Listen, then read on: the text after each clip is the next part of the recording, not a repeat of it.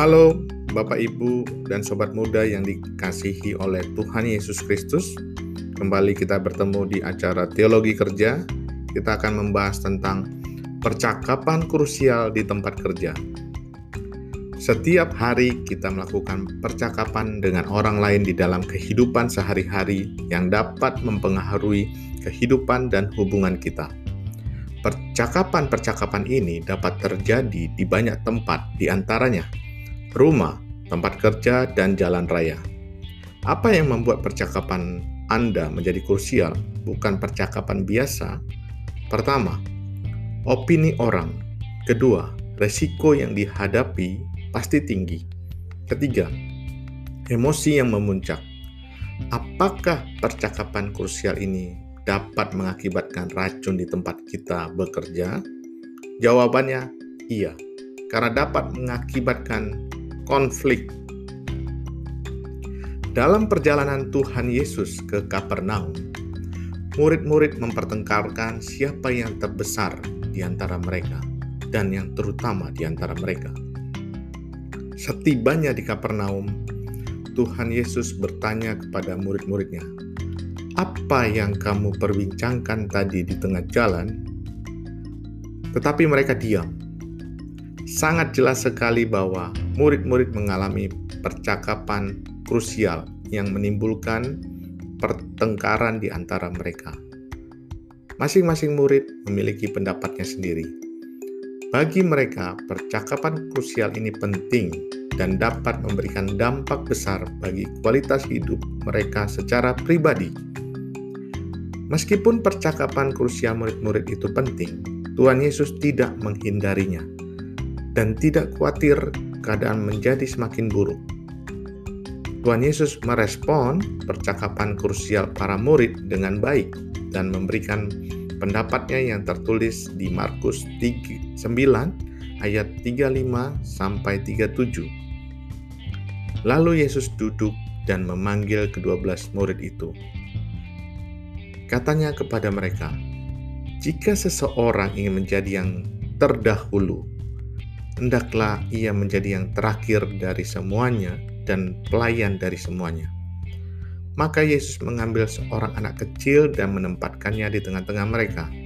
Kemudian ia memeluk anak itu dan berkata kepada mereka, "Barang siapa menyambut seorang anak seperti ini dalam namaku, ia menyambut aku."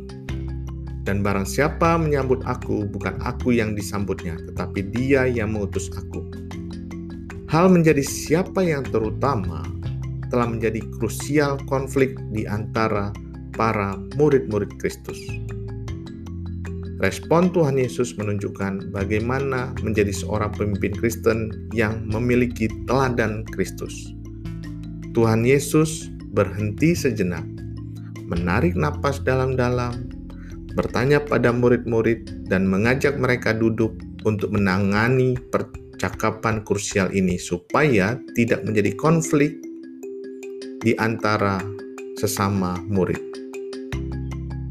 Tuhan Yesus terlebih dahulu mengutamakan kasih dan memberikan rasa aman yang diekspresikan melalui tindakannya pada anak kecil dan juga pada murid-murid. Konflik-konflik yang terjadi di tempat kerja selalu diawali dengan percakapan-percakapan krusial. Percakapan rutin beralih menjadi krusial, dan kita selalu mengalami kesulitan karena melibatkan emosi yang tidak siap untuk percakapan krusial. Percakapan krusial ini sering kali berlangsung secara spontan dan muncul begitu saja. Kita tidak siap untuk menyambutnya, harus menghadapinya dan di bawah tekanan. Contohnya, berbicara dengan rekan kerja yang sikapnya menyakitkan hati, mendekati bos yang melanggar kebijakannya sendiri, mengkritik hasil kerja seorang rekan, berbicara dengan rekan kerja yang tidak mematuhi komitmen, berbicara dengan rekan kerja yang menahan informasi, memberikan umpan balik pada bos perihal sikapnya, menagih hutang dari rekan kerja, dan memberikan tinjauan tentang kinerja yang tidak baik. Dalam tiap percakapan krusial ini memiliki pertaruhan berskala sedang hingga tinggi, diwarnai dengan pendapat-pendapat yang berbeda-beda dan emosi yang sangat kuat dengan resiko yang tinggi. Apakah kemampuan untuk menangani percakapan krusial bisa membantu karir kita? Jawabannya pasti bisa.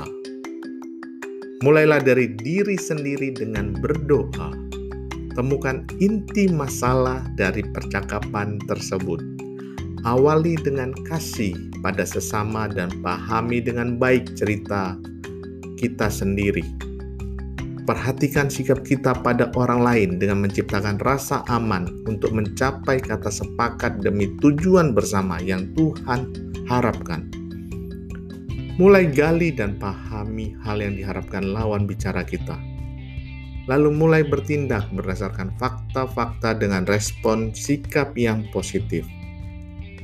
Latihlah terus diri kita untuk berani berbicara saat banyak hal yang harus dipertaruhkan di mana Tuhan tempatkan kita untuk berkarya dan bekerja bagi Dia.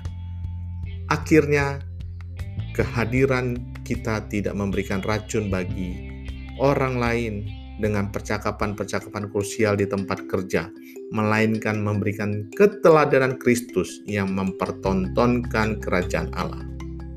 Kiranya firman ini memberkati Bapak, Ibu, dan sobat muda.